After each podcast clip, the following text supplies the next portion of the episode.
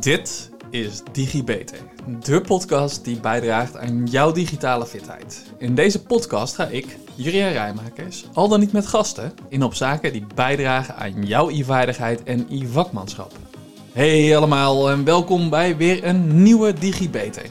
In de afgelopen podcast heb ik het gehad over hardware, over software en het internet waarmee je verbonden bent met de hele wereld.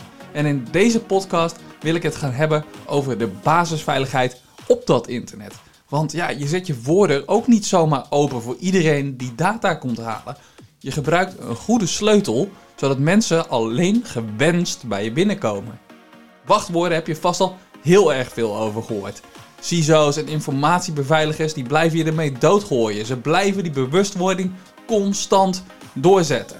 Nou ja, wachtwoorden moeten lastig zijn, bestaan uit letters, cijfers, speciale tekens om zo boven de gemiddelde wachtwoordbeveiliging uit te steken. Maar in deze podcast wil ik verder gaan dan dat basisverhaal. Want laten we eerlijk zijn, wachtwoorden zijn een beetje als sokken. Iedereen heeft ze nodig, maar niemand die wil er echt over praten.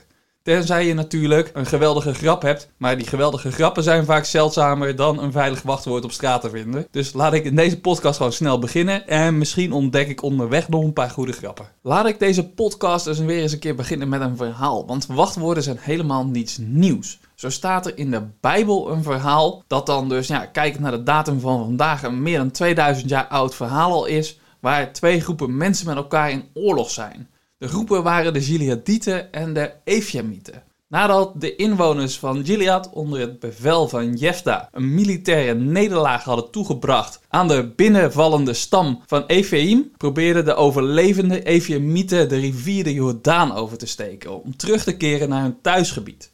De Gileadieten beveiligden echter de plaats waar je door de rivier kon waden.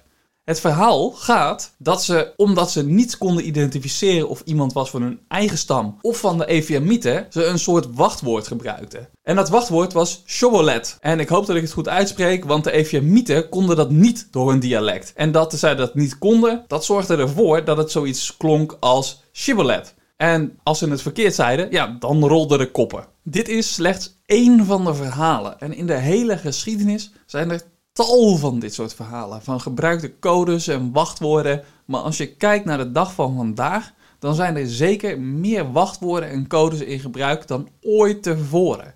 We gebruiken ze zowel offline voor bijvoorbeeld sleutelkluizen, kluizen, digitale apparaten, als online voor bijvoorbeeld onze accounts bij webshops, onze mail en dergelijke. Denk maar eens terug aan dat verhaal van met Honen wat ik onlangs vertelde bijvoorbeeld. En als je nu kijkt naar jezelf, hoeveel accounts en apparaten heb jij die beveiligd zijn met een wachtwoord? Nou, ik zal even rustig verder praten terwijl je ze telt. Ik heb zelf snel even mijn, in mijn wachtwoordmanager gekeken en bij mij zit dat op zeker 150. En hoewel ze lang niet allemaal meer in gebruik zijn, want helaas heb ik mijn administratie in dat gebied nog niet zo heel erg goed op orde, omdat ik er pas laat mee begonnen ben, zijn er toch zeker 100 echt in gebruik. En ik zou zeker niet verbaasd zijn als het er voor jou zo zeker meer dan 20 zijn. Denk maar eens in. Je hebt je primaire mailadres. Waarschijnlijk heb je ook nog een tweede mailadres en misschien ook nog wel eentje van je werk. Nou, dan heb je waarschijnlijk ook nog twee of drie social media accounts. En één of twee, misschien wel meer voor nieuwsmedia. Wachtwoord voor je wifi. Uh, je bibliotheek misschien. 1 tot 3 voor je streamingdiensten. 1 of 2 voor je muziekdiensten. Nou ja, en dan zitten er ook nog misschien nog een aantal tussen voor online winkels, voor de overheid, voor je bank, voor je beleggingen voor je laptop, je telefoon, je werktelefoon. En zo kan ik nog wel even doorgaan. Wachtwoorden zijn een noodzakelijk kwaad in onze digitale wereld. We hebben allemaal tientallen accounts op verschillende websites en voor diensten. En voor elk daarvan moeten we een sterk, uniek wachtwoord bedenken en onthouden. Maar waarom hebben we eigenlijk die wachtwoorden nodig? Nou ja, in de ideale situatie zorgen wachtwoorden ervoor dat informatie veilig is en dat we alleen geautoriseerde personen ja, dat die toegang hebben tot die informatie. Maar hoe wordt dat dan bereikt? Een wachtwoord is vaak de meest eenvoudige manier daarom gebruiken we zo, omdat het de meest eenvoudige manier is om te controleren dat je bent wie je zegt dat je bent. Maar om dat het wachtwoord te laten werken, moeten zowel jij als de dienst waar je probeert in te loggen een kopie hebben van dat wachtwoord. Laten we bijvoorbeeld je bank nemen. Als je inlogt op je bankaccount, dan stuur je je gebruikersnaam en je wachtwoord naar de bankserver. De server controleert vervolgens die combinatie van gebruikersnaam, wachtwoord of die overeenkomt met een combinatie op een lijst met gebruikersnamen en wachtwoorden. En als er dan een match is, ja, dan krijg je toegang tot je bankaccount probleem is echter dat zo'n lijst met gebruikersnamen en wachtwoorden is een zeer aantrekkelijk doelwit voor cybercriminelen. Als ze deze lijst kunnen hacken, dan hebben ze toegang tot duizenden gebruikersnamen en wachtwoorden. En ook vaak nog daarbij behorende e-mailadressen. Bedrijven die deze lijsten opslaan, gebruiken daarom een speciale wiskundige versleutelingsmethode om die gegevens veilig te houden. Dit wordt gedaan met behulp van een hashfunctie. Die hashfunctie die versleutelt het wachtwoord voordat het wordt opgeslagen op de server. Als jouw gebruikersnaam bijvoorbeeld Martin ASN Bank is en je wachtwoord is integriteit, dan wordt deze combinatie geconverteerd naar een compleet andere string met behulp van een hashfunctie. Deze string wordt de hash value genoemd. En het is onmogelijk voor mensen om vanuit deze hash value het oorspronkelijke wachtwoord weer af te leiden. Het wachtwoord integriteit wordt bijvoorbeeld vertaald naar een string van letters en cijfers die er heel anders uitziet. Een string zoals A3, BIOP, 513AE, 58IA4S, 5780BA. Nou, dat is een hele mond vol met allemaal lettertjes en cijfertjes. Nou ja, dat is haast niet meer terug te leiden. Zo converteert de hashfunctie dus wachtwoorden van alle lengtes naar één standaard string. Maar als het omgezet wordt naar één standaard string, waarom heb je dan toch nog een sterk wachtwoord nodig? En voordat ik daar antwoord op ga geven, wil ik hem ook nog even terugpakken. Want het is natuurlijk niet één standaard string dat overal de string altijd hetzelfde is. Maar het is een standaard string lengte. De sleutel zelf, de letters, cijfers, eh, die zijn natuurlijk overal anders en random. Voor het geval ik je in verwarring gebracht heb door te zeggen één standaard string. Nou, anyhow. Waarom je dus toch een sterk wachtwoord nodig hebt met zo'n hashfunctie als het toch allemaal versleuteld wordt tot één onleesbare string van letters en cijfers. Nou, dat komt omdat hackers vaak gebruik maken van zogenaamde rainbow tables. Waarin die veel voorkomende wachtwoorden en bijbehorende hashwaarden dan zijn opgeslagen. Door het vergelijken dan van zo'n gehashed wachtwoord met deze rainbow table kunnen hackers snel en eenvoudig achterhalen wat dan het originele wachtwoord is. Als jij een zwak wachtwoord gebruikt, maakt het voor de hackers maakt het dus een stuk eenvoudiger om deze aanvalsmethode toe te passen. Een sterk wachtwoord daarentegen bestaat uit een willekeurige combinatie van letters, cijfers en symbolen. En dat maakt het dus veel moeilijker om het te kraken met behulp van zo'n rainbow table en andere brute force methoden. Het is belangrijk om te onthouden dat ook dus gehashte wachtwoorden niet onkwetsbaar zijn. En dat er altijd een risico bestaat dat ze gekraakt worden door het gebruik van sterke en unieke wachtwoorden. En door regelmatig je wachtwoord te wijzigen, kun je echter in ieder geval het risico aanzienlijk verkleinen. Dat zo'n hash alles omzet naar een standaard stringlengte met allemaal wisselende letters en cijfers, dat maakt dus dat zo'n lengte van zo'n wachtwoord niet kan worden afgeleid aan de lengte van die hashwaarde. Dus je kan nooit het originele wachtwoord raden aan de hand van de lengte van die hashwaarde. Zelfs een bijna gelijk wachtwoord als integriteit en integriteit 1 zullen leiden tot compleet andere hashwaardes. Het toevoegen van zo'n getal maakt dus dat er veel meer verandert dan slechts één letter of één cijfer. De hele string, die wordt echt anders. En zelfs als hackers inbreken en zelfs als ze de wiskundige formule kennen om te komen tot zo'n hashwaarde, dan zijn de hashwaardes nog van vrij weinig nut. Want eh, zo'n formule die kun je niet zomaar omkeren. Waarom dat is, zal ik je zo uitleggen. Het is dus heel erg lastig om die hashwaardes weer terug te vertalen naar het originele wachtwoord. De hashfuncties zijn onomkeerbaar. Het is één richting verkeer. Het is alsof je scrambled eggs maakt en ze klutst. Ja, daarna kun je het niet meer tot, weer tot een eitje maken.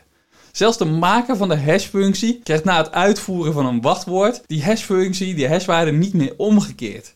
En dat klinkt misschien een beetje vreemd en tegennatuurlijk, dus ik ga het je proberen te laten ervaren. Overigens, als dit te lastig wordt, geen zorgen, ik zal je niet overhoren. Maar ik denk dat het, ja, dit, door je dit te laten ervaren, kan het toch helpen. Of ik denk in ieder geval een deel van de luisteraars helpen om te begrijpen hoe dat nou werkt. Nou, laten we beginnen met het vermenigvuldigen van twee priemgetallen. En laat ik het niet te lastig maken. Neem de tijd terwijl je voor jezelf de volgende twee getallen met elkaar vermenigvuldigt. Ik ga voor de priemgetallen 17 en 37. Dus vermenig 17 en 37 even met elkaar terwijl ik aan het uh, praten ben. Of zet hem even op pauze en uh, luister dan weer verder. Maar ik praat in ieder geval even door. En uh, neem voor jezelf, terwijl ik aan het praten ben, neem even de tijd op hoe lang je nou bezig bent met dat vermenigvuldigen. In de ideale situatie heb je een pen en heb je een papier, heb je een rekenmachine misschien en uh, kun je dat even snel uitrekenen. Nou, veel van uh, jullie zullen dit al niet zomaar meer uit hun hoofd kunnen doen. Althans, velen kunnen dit tegenwoordig niet meer uit hun hoofd. En ik, eerlijk gezegd, in ieder geval, uh, als er zo iemand tegen me aan zit te praten, kan ik dat ook niet. Maar als ik de rust pak, dan moet het nog wel lukken. Is het jou al gelukt tijdens het praten? Hoe lang heeft het geduurd? Nou, schrijf die tijd nou eens voor jezelf op.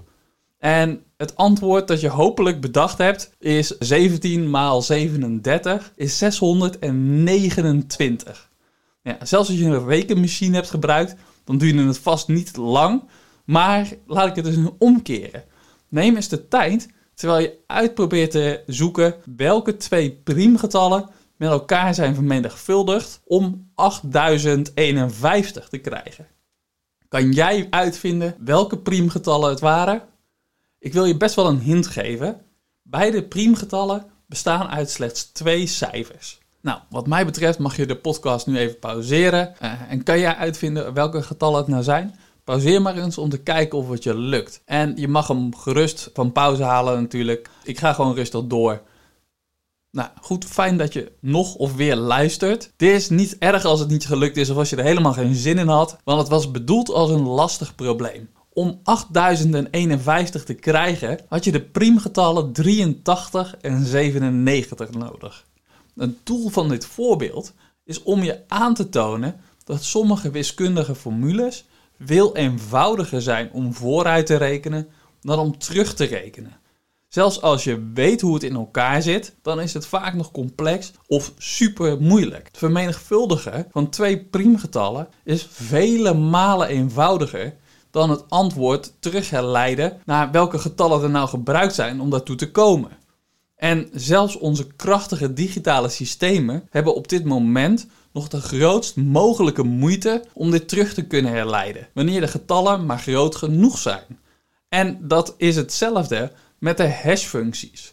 Het is relatief simpel om een complexe, eh, om complexe wachtwoord om te zetten naar zo'n hashwaarde. Maar er is nog geen bekende weg terug om die hashfunctie dan ook weer terug te kunnen draaien. Cryptografie is uitermate belangrijk in onze maatschappij. Ik vertelde het aan het begin al. We gebruiken onze wachtwoorden en onze codes overal in onze digitale samenleving. Naast het veilig houden van wachtwoorden en gebruikersnamen wordt het ook gebruikt voor de versleuteling van veel meer, van data. Zo is het essentieel als onderdeel in de communicatieprotocollen zoals HTTPS. Het is essentieel in de informatiebeveiliging van iedere organisatie. Het is dus nodig om data te beveiligen, jou als gebruiker te beschermen, te verifiëren en veel meer.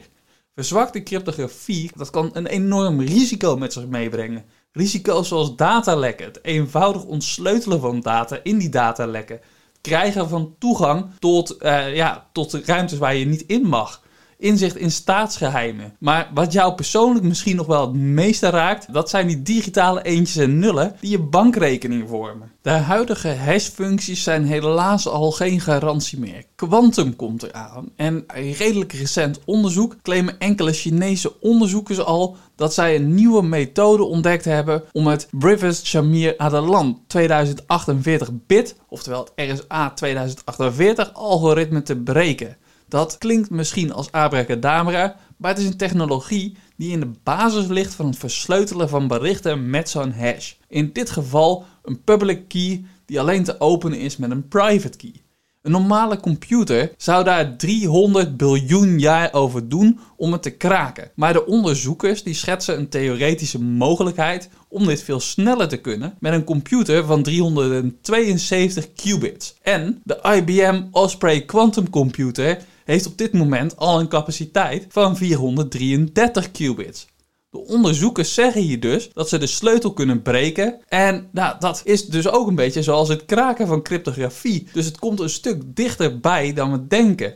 Onze eigen IVD waarschuwt samen met TNO en het CBI al langer voor deze gevaren.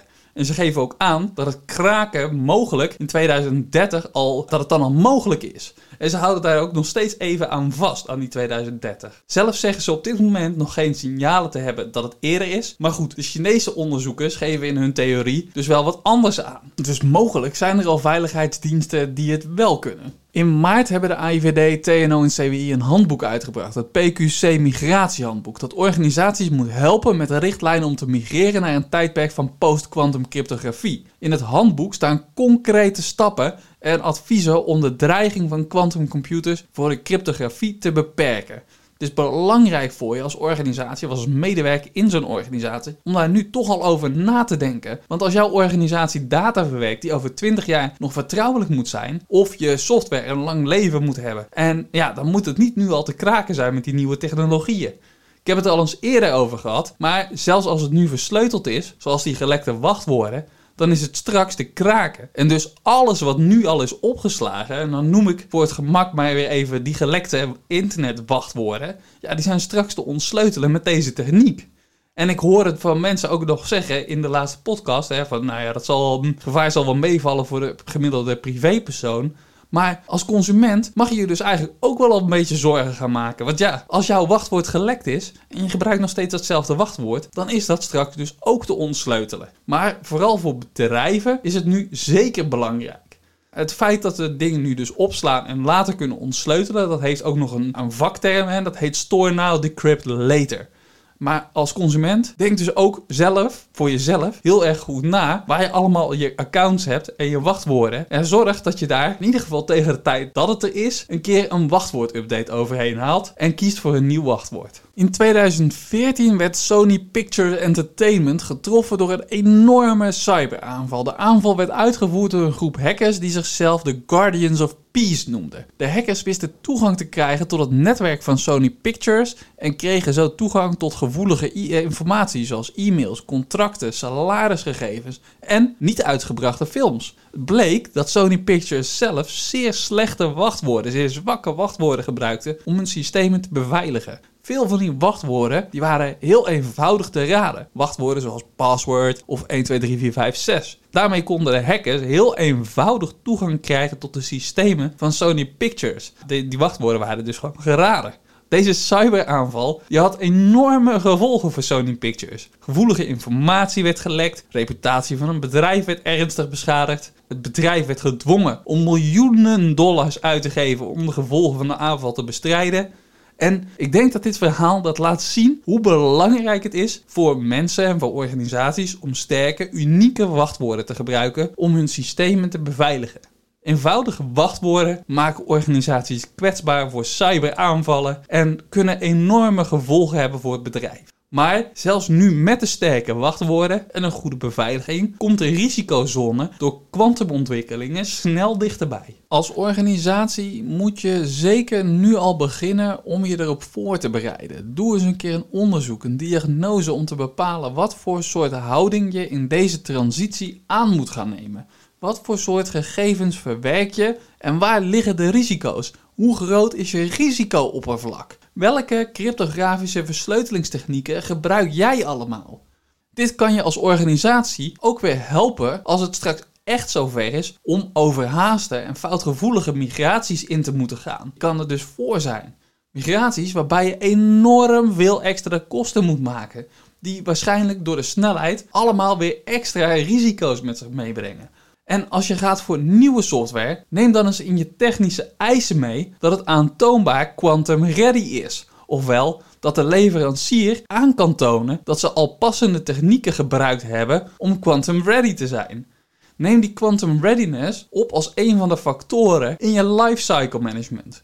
Kortom, als je systeem nu nog niet quantum ready is, zorg dan dat die technische waarde wat lager wordt hierdoor. Dat wil niet zeggen dat je direct moet gaan vervangen nu, of dat je direct moet gaan vernieuwen, maar wel dat je het in de smiezen hebt en dat de juiste prioritering aan kan geven in je planning. Waarom zeg ik dat nu? Nou, het schijnt dat het bijzonder moeilijk, zo niet onmogelijk is, om systemen die een lange levensduur hebben en systemen die gerelateerd zijn aan onze kritieke infrastructuur zomaar te updaten naar post-quantum computing. Zelfs als het mogelijk is om die software te updaten of te upgraden, ja, dan zit je nog met sommige stukken hardware waarop deze hashversleuteling ook toegepast zijn. En tot slot kan je je wellicht ook voorstellen, op basis van wat ik al eerder vertelde heb met eh, hardware en software samenwerking, dat als je post-quantum computing geïmplementeerd hebt, je misschien ook wel hele andere hardware nodig hebt om met die software om te gaan. De samenwerking tussen hard en software heb ik namelijk vrij recent ook in die podcast al besproken. Het is lang niet meer altijd haalbaar om hardware dan ook zomaar te gaan vervangen. Dat is omdat je digitaal apparaat is of te klein of het zit erin vastgemaakt of ja, het is allemaal tegenwoordig zo complex gemaakt en zit aan elkaar vast met elkaar verweven. Het gaat niet zomaar. Het updaten of aanpassen van je infrastructuur door alternatieven die klaar zijn voor post-quantum is waarschijnlijk hiermee bijzonder omslachtig en tijdrovend. En als ik afga op eerdere migraties, om een voorbeeld te nemen dat iedereen kent, kijk maar naar de systemen van de Belastingdienst, dan vergt dat een enorme planning en voorbereiding. Men gaat nu uit van 2030, maar de techniek gaat snel en daar kan zomaar in één keer een doorbraak staan. En ja, daar sta je dan toch mooi met je goede gedrag de in kaart brengen van je huidige situatie en in ieder geval het zorgen dat je dus anticipeert, is het absolute minimum. Ik heb het al eens gehad over de risicoanalyse. De risico hangt natuurlijk af van het soort systeem dat je moet beschermen. Als het gaat om systemen met een lange levensduur of data die je lang moet bewaren, die bedrijfsgevoelig is en je modus operandi in gevaar kunnen brengen, ja, dan is het risico dus nu al groot. Dat is dus omdat die systemen met een lange levensduur, die passen je niet zomaar aan. En voor data, ja, daar geldt het store now decrypt later principe. En dan hebben aanvallen dus nu hebben al nut. Het te vroeg beginnen brengt overigens ook risico's met zich mee. Er zijn genoeg organisaties die al bezig zijn met post-quantum computing om die PQC-algoritmen in hun systemen te verwerken. Die algoritmen die worden echter ook met enige regelmaat wel gecontroleerd en geanalyseerd. En natuurlijk is er hier ook, zoals met alles wat gemaakt wordt door mensen, regelmatig dat er nu kwetsbaarheden aan het licht komen. Dus als je te vroeg begint met het vernieuwen of met het vervangen, dan loop je ook de kans dat je dat later weer opnieuw moet doen. Opnieuw op het moment dat er bijvoorbeeld kwetsbaarheden ontdekt worden. Nou, dat gezegd hebbende, een te late migratie is dus sowieso ook niet goed. Want daarmee komen alle risico's van dien, zoals gestolen informatie, eh, schade aan je reputatie, schade aan je systemen in de organisatie en veel meer er gaan daarmee gepaard. Een goede risicoanalyse en LCM-planning om te komen tot de juiste balans is dus van groot belang. De link naar het stuk van IVD, TNO en CIW zal ik voor je in de show notes zetten. Goed, ik had nog een grapje beloofd, maar ik denk dat ik voor een kort raadseltje ga. Want ja, nou, ik heb alle tijd nog. Ik denk dat ik het voor vandaag wel hier maar bij ga houden. Want anders ga ik juist waarschijnlijk heel ver over de tijd heen met wat ik allemaal nog wil vertellen. Maar goed, voor het raadseltje, nou ja, je moet wel een kwantum een klein beetje ervoor snappen. Anders denk ik dat hij niet heel grappig is. Maar goed, hier komt hij. Waarom zijn kwantumwachtwoorden zo veilig? Nou, dat is omdat een hacker die ze probeert te kraken, ze tegelijkertijd kan weten en niet weten. Goed. Zoals ik in deze podcast besproken heb, zijn wachtwoorden dus doorgaans redelijk veilig opgeslagen op servers. En dat is omdat de mensen die ze daar opslaan, dus degene die dat programmeert, ze opslaan daar door hashfuncties te gebruiken. En daarmee ze dus veilig op die server staan. Maar helaas gaat het daar ook nog wel vaker fout. Zo kreeg in 2018 bijvoorbeeld nog een Duitse aanbieder van social media diensten een boete van 20.000 euro nadat na een datalek bleek dat ze de wachtwoorden die ze op die servers hadden opgeslagen gewoon in klare, onversleutelde tekst daar hadden staan. Door het zo op te slaan, heeft het bedrijf artikel 32 lid 1 van de AVG geschonden. Het is belangrijk om te weten dat zelfs in de privacyverordeningswetten dus ook regels staan rondom informatieveiligheid. Een passage die stelt dat je als gegevensverwerkende partij passende technische maatregelen moet nemen om een op het risico afgestemd beveiligingsniveau te waarborgen. Dat betreft onder andere dus bijvoorbeeld dingen als pseudonymisering en versleuteling van persoonsgegevens. Er zijn dus, zelfs ondanks regelgeving, nog altijd bedrijven die hun zaken niet op orde hebben. Maar naast hacks hebben cybercriminelen een grote variëteit aan tactieken om je gebruikersnaam en je wachtwoord te stelen. En als Quantum er is, dan is het te hopen dat veel organisaties Quantum ready zijn. Sterker nog, ik hoop dat veel organisaties er inmiddels al mee bezig zijn. In de volgende podcast wil ik in ieder geval ingaan op een aantal van de verschillende tactieken die hackers erop nahouden, die strategieën, ja, waarbij cybercriminelen aan de slag gaan om te zoeken naar jouw gegevens. Dit, zodat je ze in ieder geval kan, ja, een aantal van die tactieken in ieder geval kan herkennen op het moment dat ze worden toegepast. Maar voor nu, dank voor het luisteren. Tot de volgende keer. Tot de volgende DigiBeter. Vond je dit nu een leuke uitzending en wil je meer weten? Abonneer je dan op de podcast door op volgen te klikken. Het duimpje omhoog en geef een beoordeling van bijvoorbeeld 5 sterren, zodat nog meer mensen deze podcast kunnen vinden. Wil je je collega's, vrienden, familie, zoals je opa of oma, net zoveel plezier doen en ze digitaal fitter krijgen? Deel dan de podcast. En zo worden we samen allemaal digitaal. Heb je een vraag over wat er verteld is in de podcast? Een bepaald onderwerp dat je graag terug zou willen horen? Of wil je gewoon laten weten dat je erg van de podcast genoten hebt? Je kan mij feedback geven en vragen stellen via LinkedIn. Zoek dan even naar Juriaan Rijmakers. Hoe dan ook, na deze podcast ben je weer een beetje digifitter.